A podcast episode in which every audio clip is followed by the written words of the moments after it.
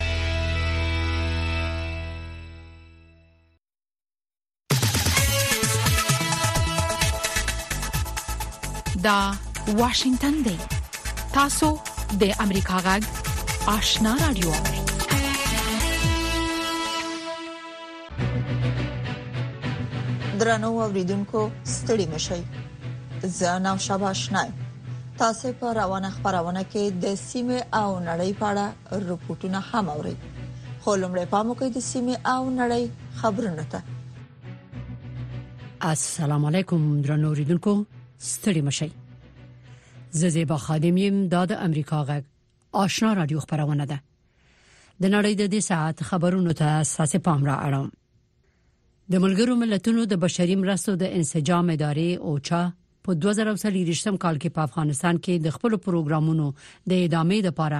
د نړیوال ټولنې د بودیجې د کمیدو په حق لا اندېښنه څرګنده کړې ده او ویلي دي چې د بودیجې د نشټوالي لامل به ډیر پروګرامونه کم او یا بند شي اوچا د مارچ په دریم تاریخ په یو راپور کې ویلي دي چې په افغانستان کې په 2023م کال کې د بشري مرستو د پروګرامونو د ادامې لپاره د نړیوال ټولنې نه سباندې 3 میلیارډ ډالر بودیجه غوښته و خو تر اوسه ورته و 8 میلیونه ډالر برابر شوي دي د روادارۍ په نوم د بشري حقوقو مدافع ډله ادعا کوي چې طالبانو او ناپېژندل شوو وسلوالو په 2023م کال کې په افغانستان کې په لوی لاس او غیر قانوني ډول خلک وژل دي د ډلې چې له هوا د بهر فعالیت کوي د مارش په دویمه د افغانستان د بشر د حقوقو د وضعیت په حق له پر راپورټ کې ویلي دي چې په 2023م کال کې په ټول افغانستان کې د بشري حقوقو د سرغړونو په ترڅ کې لږ تر لږه 1506 کسان وژل شوي او 216 نور ټپي شوي دي او دوی د شواهدو او اسنادو په اساس دغه قضیه ثبت کړې دي د طالبان حکومت تر اوسه د دې راپور په حق لسنې دی ویلي خو مخکې د بشري حقوقو په سرغړونو کې لاس درلودل رد کړی دی د سیمې او نړۍ خبرونه د امریکا غږ آشنا رادیو د واشنگټن د استودیو نه اوري د افغانستان د خبريالانو مرکز ویلي دي چې طالبانو د دایکندي په ولایت کې د نسیم خصوصي رادیو ته اجازه ورکړه چې خپل نشرات بیرته پیل کړي خو د دې رادیو مسول مدیر سلطان علي جوادي لا هم د طالبانو په بند کې دی طالبانو د غراډیو 15 میاشتې مخکې تړلې و د هند د مطبوعاتي راپورټونو لمخې د هند د کرالا د ایالت یو اوسیدونکو په افغانستان کې په دې تور نیول شوې ده چې کوشش کاوه چې د اسلامي دولت د ډلې داعش سره یو ځای شي هندو پوسټ ورځپاڼه ویلي دي چې سلام الله اسلام دغه مشکوک تروریست د طالبانو د استخباراتو د تحقیقاتو نه وروسته اوس په قندهار کې په توقيف کې دی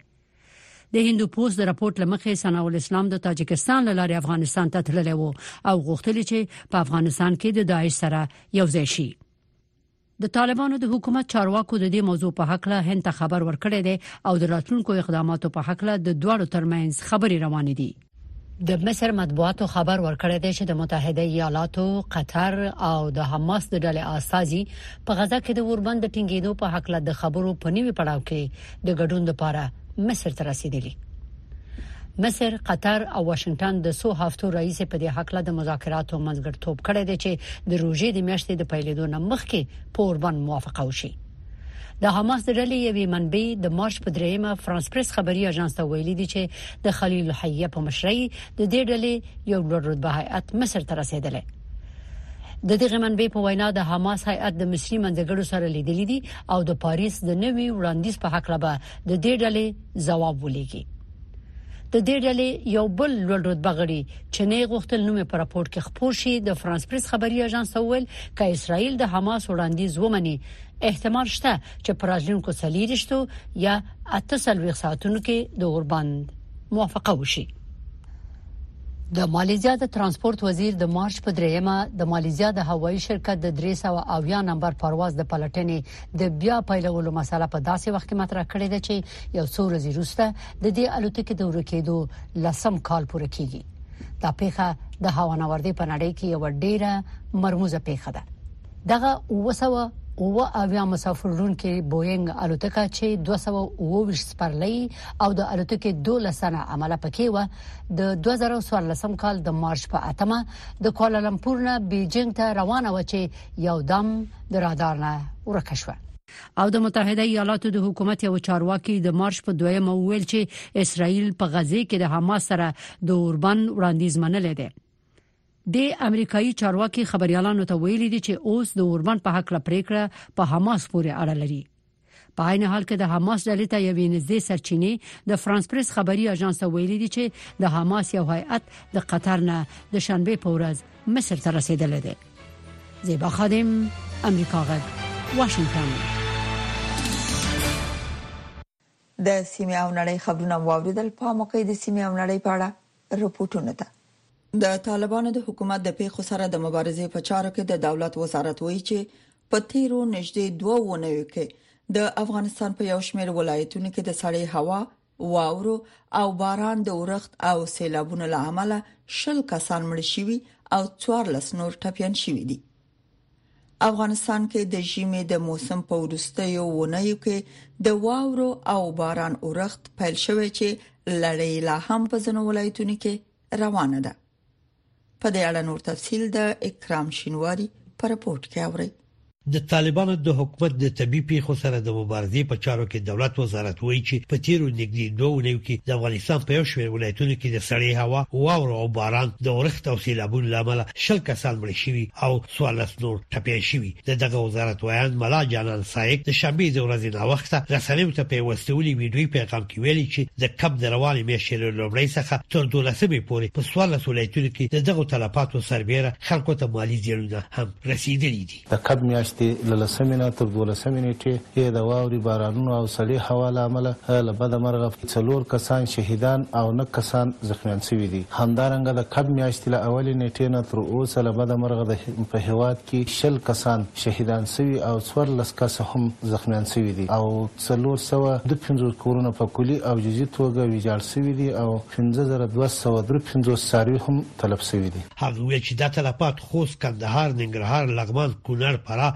پروان کابیسا کابل زابل سمنګان دایکونډي غور او بدخشان ولایتونو کې په طبي پیښو کې اوختي دي د دې د مخه د کونړ سیمې د چارواکو د دغه ولایت په مرکز اسد آباد سره نږدې د یو کور د چت د پریوتو لامل د درې ماشومان په ګډون د وی کورنۍ د سلورو غړو د مړینې او پنځه نورو ټپي کېدو خبر ورکړی و همداشان د کندهار خوست او هلمند ولایتي چارواکو هم ویلي و چې د وروستیو ورځو په ورښتونو کې د کورونو د چتونو د پریوتو په بېلابېلو پېښو کې اته تنه مړه شوي دي د دې سربېره سیمه ییزه رسنیو د فاریاب بادغیس او بلخ په ولایتونو کې د سړې هوا او واورو د ورښت له امله د زرګونو څارویو د طلب کېدو راپورونه ورکړي دي ملا جانان سایق وایي چې تر اوسه د طبي پېښو سره د مبارزې وزارت په بېلابېلو ولایتونو کې له اته زرو څخه زیاتو کورنۍ سره نغدي او غیر نغدي مرستې کړې دي د یادونې وړ ده چې د هېواد د هوا پېژندنې د ادارې د راپور له مخې په راتلونکو ورځو کې هم په ولایتونو کې د واورې بارانونو اورېدلو وړاندوینه شوې ده چې له امله یې د سېلابونو او واورې ښویدلو اټکل شوی دی. د پېښو سره د مبارزې په چارو کې د دولت وزارت رهبري په سیمه کې خلکو ته د خبرتیا په موخه د پېښو سره د مبارزې ولایتي رییسانو ته په دې حق د لازم تدابیر نیولو لارښوونه کړې ده. د بلې خوا د طالبانو د حکومت د ټولګټو وزارت ویلي چې د سالنګ لوی لار د سلورمې ورځې لپاره نن هم د واورې د ورخ او سختو توپانونو او د لید د ساحې د محدودیت لامل د موټرو د هر ډول تګ راتګ پر مخ تړلې ده د دغه وزارت ویاند محمد اشرف حق شناس یک شنبه په ورځ د ایکس په ټولنیزه شبکه کې د مسافر غوښتي چې د ضروري کارونو پرته په دغه لار له سفر څخه ډډه وکړي هغه ویلي چې د سالګونو د ساتنې او څارنې پر سودل د دې لارې د پرانیستو لپاره هڅې ګړندۍ کړي او د یک شنبې د ورځې په اوږدو کې به د دې لارې یو خط د ترافیکو پر مخ پرانیستل شي محمد اشرف حق شناخت ویلي چې په سالګونو کې د واورې د ورخ کچه د 150 سانتي متر څخه 3 متر پورې رسیدلې ده هغه ویلي چې تر اوسه د دغه لوی لارې په اوږدو کې تر 15 شو پورې د واورو د برکوچونو د پریواتو پیخي ثبت شوي دي همداشان د ټولګټو وزارت ویاند ویلي چې د بامیان دایکنډي غزني او نورستان د ولایتونو د لارو په اوږدو کې هم د بندې شوو لارو د پاکولو او خلاصولو لپاره د دغه وزارت د کارکوونکو لخوا هڅې روانې دي په افغانستان کې د تیرې اونۍ راهیسې د واورو او باران د ورخ لړۍ پیل شوې او د تیرې پنځشنبې د ورځې راپدې خوا په اکثر ولایتونو کې یا واوره او یا هم باران ورېدلی دی افغانستان کې د ژمي په لومړۍ دوه میاشتو کې د ورخ کچه ډیره ټیټه وه خو د ژمي په وروستي ولیو کې د دغه هیواد په ډیرو ولایتونو کې څو ځلې د واوري او باران ورخ شوې دي د طالبانو د حکومت د ترانسپورت او هوایي چلند وزارت د هوا پیژندلې د ادارې د معلوماتو لمخې د تیرې میاشتې پر تله پر روانه میاشت کې د ورخ کچه د 15% څخه 15% ته لوړه شوې دغه ادارې پر روانه ورځ کې هم د واورو او باران د ورخ اټکل کړی دی انتظار پای ته ورسید ترنو لیدونکو او اوریدونکو تاسو کولی شئ د امریکا غا ټلویزیونی او رادیوي خبرونه د یاسات ساتلایت له طریقو وګورئ او واورئ د نوي ساتلایت لارې تاسو د آشنا اتصال او کاروان ټلویزیونی خبرونه کتلای هم شئ د امریکا غږ د افغانستان څنګه خبرونه په 398 چینل او د آشنا رادیوي خبرونه په 390 چینل کې اوریدلای شئ لملتيامو د تل پشان مننه تاسو زمونږ د واشنگټن د سټډیو نه اورئ د پاکستان ولسی جرګې شهباز شریف د پاکستان د نوي صدر اعظم په توګه وټاکه ټاکل شوې چې ولسی جرګه به د پاکستان د نوي جمهور رئیس ټاکلو ته هم رائے ورکړي په دې ټاکنو کې په لومړي ځل یو پښتون سیاستوال محمود خان اڅکزی هم د جمهوریت ریاست څوکۍ ته کاندید دی نن د پاکستان یو پخوانی لومړی وزیر شهباز شریف په پارلمان کې د یو د پاسه دوو سوو رایو په اخیستلو سره د دغه هیواد لومړی وزیر ټاکل شوی ټاکل شوې چې لږه موده وروسته د پاکستان د ولسمشرۍ د څوکۍ لپاره هم ټاکنې وشي د پاکستان د ولسمشر د څوکۍ لپاره د لومړي ځل لپاره یو پښتون ملتپال محمود خان اڅکزي هم ځان کاندید کړی نوی ټاکل شوی لومړی وزیر شهباز شریف د پاکستان د دوو سترو ګوندونو پاکستان مسلم لیګ او د پاکستان د خلکو د ګوند نوماند و. شهباز شریف د ولسمشرۍ لپاره د عمران خان د تحریک انصاف د ګوند نوماند عمر ایوب ته ماتې ورکړه. دي ميا محمد شهباز شريف صاحب. ميا محمد شهباز شريف د اسلامي جمهوري پاکستان د لومړي وزير په توګه اعلانوم. د پاکستان د لومړي وزير د څوکۍ ټاکل کېدو وروسته په مهمو ټاکنو کې يوای د ولسمشرۍ د څوکۍ لپاره ټاکنې دي. د دې څوکۍ لپاره پخوانی ولسمشر اصف علي زرداري د پاکستان د مسلم لیګ او د پاکستان د خلکو د ګوند ګډ نوماند دی. بلخوا د پاکستان د ولسمشرۍ لپاره د عمران خان ګوند او ملګرو یې پښتون سیاستوال محمود خان اڅکزی نومولی. محمود خان اڅکزی د پاکستان په ولسي جرګه کې یوازې یوه څوکۍ لري. د شنونکو په وینا تحریک انصاف ګوند ځکه له نوموړي ملاتړ کوي چې اوسمهال دواړه لوري د پاکستان د ادارو پر وړاندې مخالف دریځونه لري. خو په محمود خان اچکزي باندې دوی نه خپه کېږي، د دوی کارکون هم نه خپه کېږي، ځکه دوی وي چې دا موږ لپاره یو اسانه خبره ده، هغه به سختې سختې خبرې هم کوي او هغه دوی هغه خبرې چې دوی کولی شي یا نه شي کولی هغه یې کوي، نو دوی لپاره د دې وخت کې د هغه نه ښه سړی زما په خیال باندې ښه چوایس یا انتخاب بل نه شي کېدای. د پاکستان ولسمشرۍ ته د محمود خان اڅکزي نوماند کېدلو ته ډېرو پښتنو ته په دغه هېواد کې د پښتنو د حالاتو د ښه کېدو په اړه هیلې پیدا شوي، خو نور بیا وايي چې که ولسمشر هم شي، ښايي محمود خان اڅکزی د پښتنو د حالاتو د ښه کېدو لپاره ډېر څه ونه شي کړای. د عمران خان له طرفه د مشر محمود خان اچکزي د صدر مملکت د مستد د پاره نامزدګي زما په خیال د پښتنو د ګټو سره هیڅ تعلق نه لري دا د هغه سیاسي ضرورت دی ځکه چې عمران خان دا غني چې هغه په سیاست کې دغه پارټي یوازې پاتې شوې ده نو هغه نور سیاسي عناصر د ځان سره شریکول غواړي. د تېرې فبرورۍ میاشت کې د پاکستان ټولټاکنې د درغلیو د تورونو سره مل وې او هېڅ یو ګوند د دغه هېواد په قامي اسامبلۍ کې په یوازې ځان د حکومت د جوړولو لپاره اړینې څوکۍ ترلاسه نه کړې. اټکل دا دی چې اوسني ایتلافي حکومت ته به ستونزمنه وي چې په نورمال ډول خپلې ورځنۍ چارې ترسره کړي. احمدالله ارچیوال، اشنا تلویزیون، واشنګټن.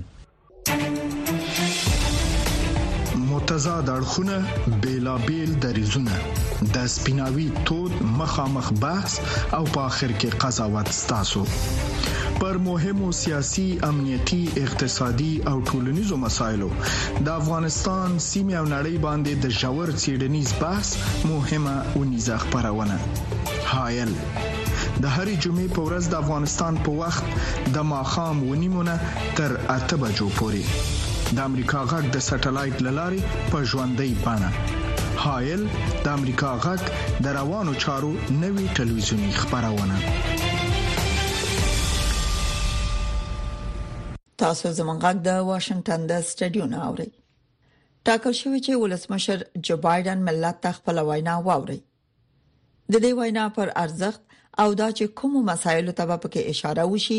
امریکا غاک د نیو هون په پانتون کې د سیاسي علومو استاد ډاکټر ماتیو شمیت سره مرکه کړې او دای تری پوښتلی چې آیا افغانستان به د دې مهمه وینا برخه ای او کنه ډاکټر شمت په پایل کې د ولسمشر بایدن د وینا مهم ټکی یاد کړی ملت د ولسمشر وینا په اصل کې د کمپاین یو وینا ده هغه غواړي د امریکایانو لپاره داسې منظور وړاندې کړي چې نن ورځ د دوی ژوند د څلور کاله د مخه په پرتله چې ترامپ واکه وو بهتره دی هغه به خپلې لاسته راوړنې او د راتلونکې دویمې دورې پلانونه په ګوته کړي. د امریکا لپاره لومړیتوبونه څه دي او ایا فکر کوئ چې افغانستان به ملت ته د ولسمشر په وینا کې شامل وي؟ ځکه چې موږ پوهیږو چې له افغانستان څخه د بایډن د وتلو په طریقې هم انتقادونه کیږي. زه فکر کوم چې دا د پام وړ ټکی دی زه فکر نه کوم چې بایدن به د افغانستان په اړه خبرو کولو څخه ډډه وکړي ځکه چې هغه نه غواړي د ډونالد ټرمپ د کمپاین لپاره یو د انتقاد بل ښه پلمه پلاس ورکړي د اوکرين او غزې د جګړې په څیر د نړیوالو مسلو په اړه په وینا کې څه خای واورو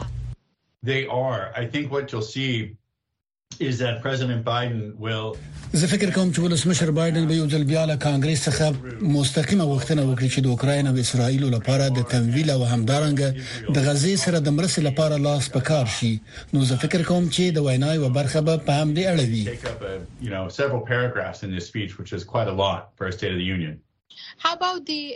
په کور د ننه د امریکایانو د اندېښنو په اړه څنګه په اوس وخت کې د امریکایانو لپاره اصلي مسئله د انفلاسیون مسئله ده چې دا یو لوی اندېښنه ده د امریکا ډیری انتخابات د اقتصاد په اړه وي ځنې وختونه د متحده ایالاتو څخه بهر خلک فکر کوي چې د امریکا د سیاسي سیستم تمرکز پر بهرنیو چارو وي مګر حقیقت دا دی چې ډیری امریکایان د ته پاملرنه نه کوي چې زموږ د سرحدونو څخه بهر څه پیخیږي یوازې پر ورځني ژوند باندې خورا تمرکز لري، خو پوښتنه دا ده چې بایډن به د لګښتونو کمولو لپاره څه وکړي؟ د سوپر ټیوزډي او یا هغې ورځې په اړه پوښتنې چې پکې زیات شمېر ایالتونه د خپل ګوند مخکښ کاندید ټاکي، په دودیز ډول سوپر ټیوزډي د لومړنیو نوماندانو لپاره ټاکونکې ورځ وي. په دوه زره شلم کې ولسمشر جو بایډن د سوپر ټیوزډي په ورځ لوی بریالیتوب ترلاسه کړ یعنی د دیموکرات ګوند وروستي کاندید وټاکل شو خو اوس حالت څنګه توپیر لري په حقیقت کې د سې شنبې د ورځې رائے نور مهم نه دي تاسو پوهیږئ دا نمایشي رسمي مراسم دي چې د هرې ډلې لپاره باید قانوني اړتیاوې پوره شي خو دواړه کاندیدان په دې لټه کې دي چې پرایو کې د مقابل لوري ضعف ولټوي یعنې د افریقایي امریکایانو او هسپانوي رایه ورکوونکو او د ځوانو رایه ورکوونکو ترمنځ د بایډن نیمګړتیاوې څه دي څو دا کټګوري خلک د یوې خوانه بلې ته جذب کړي او رایه وګټي مثلا ګوري چې کټرام لګیدلو تورونو کې ګرام وبلل شي نو خلک به هم بیا پلوي وي او که نظر به بل لور او ګوند ته واړوي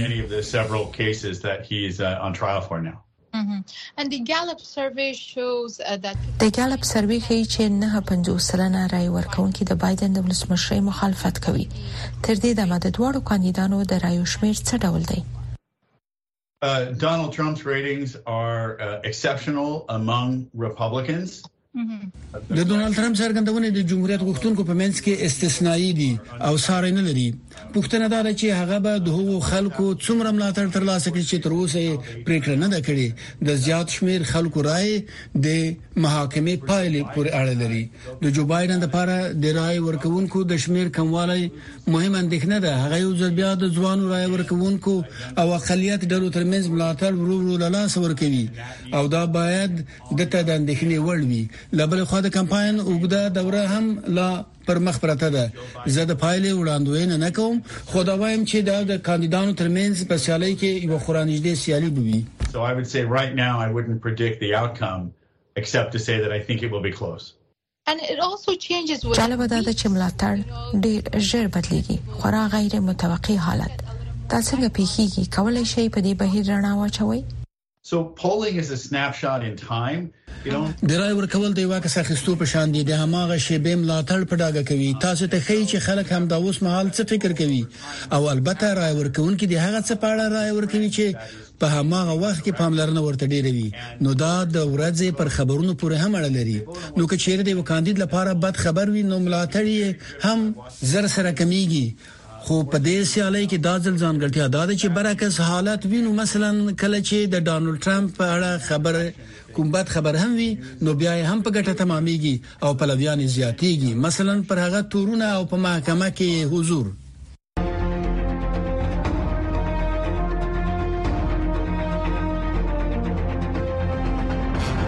اتصال زموږ او ساسي پیوستون خبرونه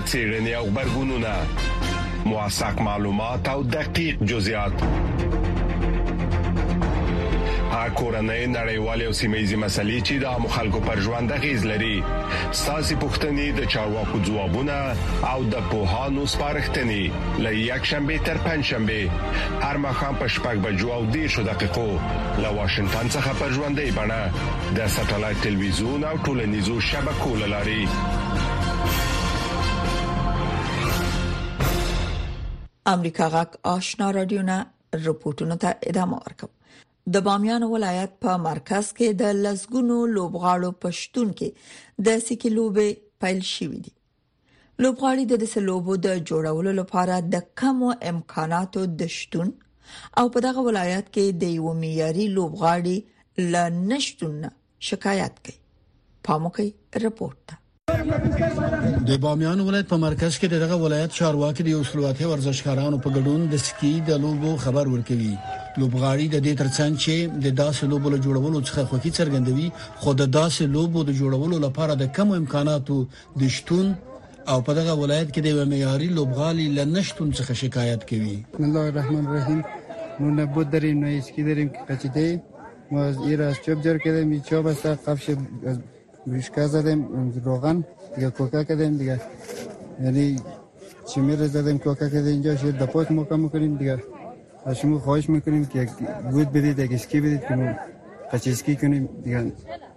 غذا نداریم و فقط امزی چه باست اگر قد از مون کمک کنه دیگه دولت ها و فدراسیون ها دولت ممکن ممیتین در هر جای در کشورهای خارج بریم ببریم اول چه دیگه مدت 8 سال شده و 9 سال شده که ما این تمرین اسکی رو دارم و مدمی ورزش علاقه بسیار دارم که بسیار زحمت کشته ما همه روزه تمرین دارم در بخش های زمستانی دیگه در همه مسابقات زمستانی که برگزار می شود اشتراک میکنم و چندین مسابقه است که ما بردیم یا اولین مسابقه من نیست که ما اول شدم دویم قهرمان هستم دیگه ولی که وسایل خوب در دسترس ما قرار نداره دیگه مشکلات زیاد هم داره از این منطقه هستم دیگه از این پس برگزار مو شدم سال اولین دفعه که منطقه با اسکی برگزار شده بچه هایی که اسکی باز خوب مفید است از مردم خوب و بچه ها تشویق میشه انشالله برنامه برگزار شه خوبه د افغانستان د ژمنې لوبو د اتحادیې رئیس اسد الله باتوري په ژواک ته ویل دا لوبې په دوه کټګوریو کې تر سره شوې دي لومړی د حرفوي او دوهمې د اماتورو لوبغاړو لخوا وي دا لوبې د افغان بیسیم او افغان پیکس شرکت په مالی ملاتړ د سکی د لوبغاړو د لا هڅونې په خاطر ترتیب شوې وي و امروز مسابقات اسکی در دو بخش اسکی چوبی و همچنان اسکی پروفیشنل برگزار شده در ولایت بامیان در خشکک که در این مسابقات 100 نفر در بخش اسکی چوبی اشتراک کرده و 80 نفر در بخش اسکی پروفیشنل البته این مسابقات و حمایت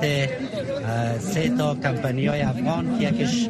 افغان سپورت ترست است و دومش افغان پکس و سومش هم شرکت افغان بیسیم است د بامیان ولایت د سپورت او بدني روزنې د امریت سرپرست سید کفیل موسوي وایي چې د وخت په تیریدو سره د خلکو ملاتړ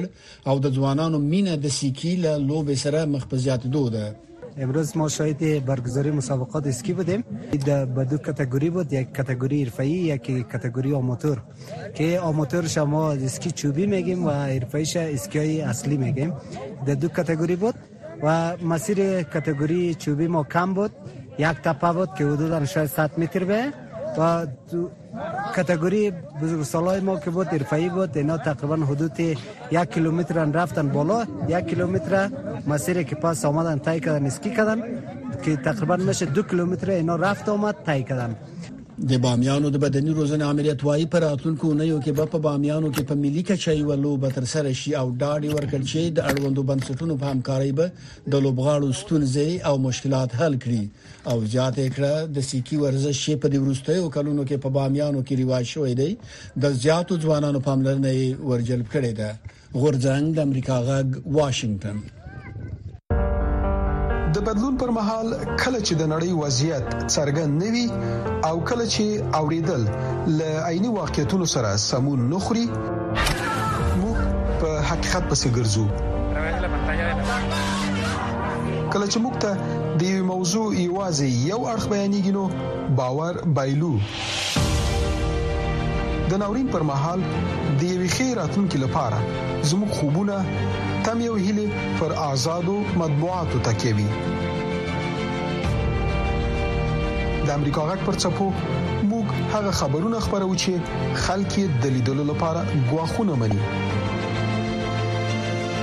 موږ نړۍ سره وسلو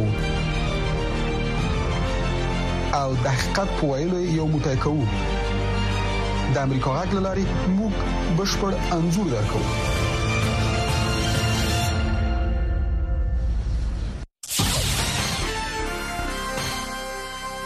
درنو اوریدونکو دا د اوس په یو سرمقاله ووري چې د امریکا د حکومت نظر څرګندوي. متحده ایالات او برازیل چې په لویدیځه نیمه کره کې تر ټولو غټې دیموکراسۍ دي، دواړه یو ځای سره په ملګرتوب د یوې ګډې هیلې، یو ګډ مقصد او هدف یعنې د راتلونکي نسل لپاره په میراث د یوې بهترې راتلونکې د پرېښودلو په خاطر کار کوي. دغه خبره د متحده ایالاتو د بهرنیو چارو وزیر انټوني بلېنکن په روډیو جنیرو کې د یو مطبوعاتي کانفرنس په مهال کړې ده بلنکن ویل موږ پر هغو ساحو او پر هغو مسایلو فوکس کوو چې په واقعي ډول د خلکو پر ورځني ژوندانه تاثیر او اغیزه کوي بلنکن زیاته کړه چې د امازون باراني ځنګلونه د اقلیم له بدلون سره او د کاربن د افرازاتو سره د موثر تعامل لپاره د نړۍ تر ټولو غټو زېرمو په جمله کې یوه غټه زېرمه ده، نو متحده ایالات له همدې امله له برازیل سره اوږه په اوږه کار کوي او د باراني ځنګلونو د خوندي ساتلو او د لمنځه تګ پر خلاف یې د مبارزې په هلو ځلو کې ورسره مرسته کوي. موږ په دې موخه خپلې منابع په کار اچوو او د نړۍ له ډېرو نورو هېوادونو سره هم په تماس کې یو او هڅوو یې چې په دې هلو ځلو کې ونډه واخلي. د متحده ایالاتو د بهرنیو چارو وزیر انټوني بلېنکن زیاته کړه چې برازیل به په دوه زره پنځه ویشت میلادي کې د سي او پي، COP، دېرش یا د ملګرو ملتونو د اقلیم د بدلون کنفرانس چې په بیلیم کې جوړېږي شاملو هېوادونو مشري په غاړه اخلي. د اقلیم له بدلون سره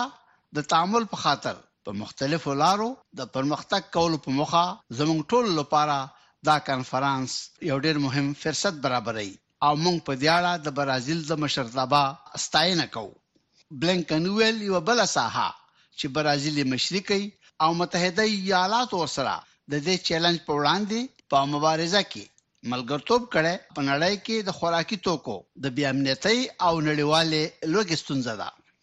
موږ له برازیل سره د مصنوعي ذکا او نورو ټکنالوژیو نه په استفاده د نړۍ په مختلفو هېوادونو کې د کرهڼې لپاره د خاورې د بهتر کولو په موخه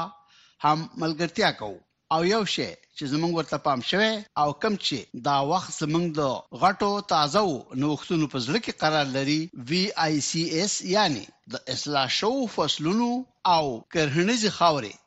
نوښت دی کله چې تاسو د اقلیم د بدلون او نورو ناوړه موسمي پدیدو پر وړاندې مقاوم او انرژي بخونکي تخمونه وکاروي پیاوړې خوره هم ولري نو بیا هر څه ممکن دي بلینکن په پای کې ویل چې د فوکس وړ ټولې ساحې چې برازیل مخ پر وړاندې بیاي بیا هم د کارګرانو او مزدورانو د حقوقو په بهتر کولو متمرکز کیږي که هغه د اقلیم د بدلون مخنیوی او یا د خوراکي توکو خوندیتوب وي او یا د هغو موسسو اصلاح کول وي چې په نړیواله کچه د هېوادونو ترمنځ د خپلمنځني تعامل په اړه لارښوونه کوي، موږ یې د بهتر کولو لپاره له برازیل سره لاس یو کړی. بلېنکن وویل چې موږ په مستقیمه توګه د برازیل او متحده ایالاتو ترمنځ د همکارۍ او همداراز د برازیل د جي شل ډلې د مشرتابه له لارې د خپلې ګډې ایجنډا پرمختګ ته ژمن یو. درنو اوریدونکو خبرونه په همدې ځای پاتې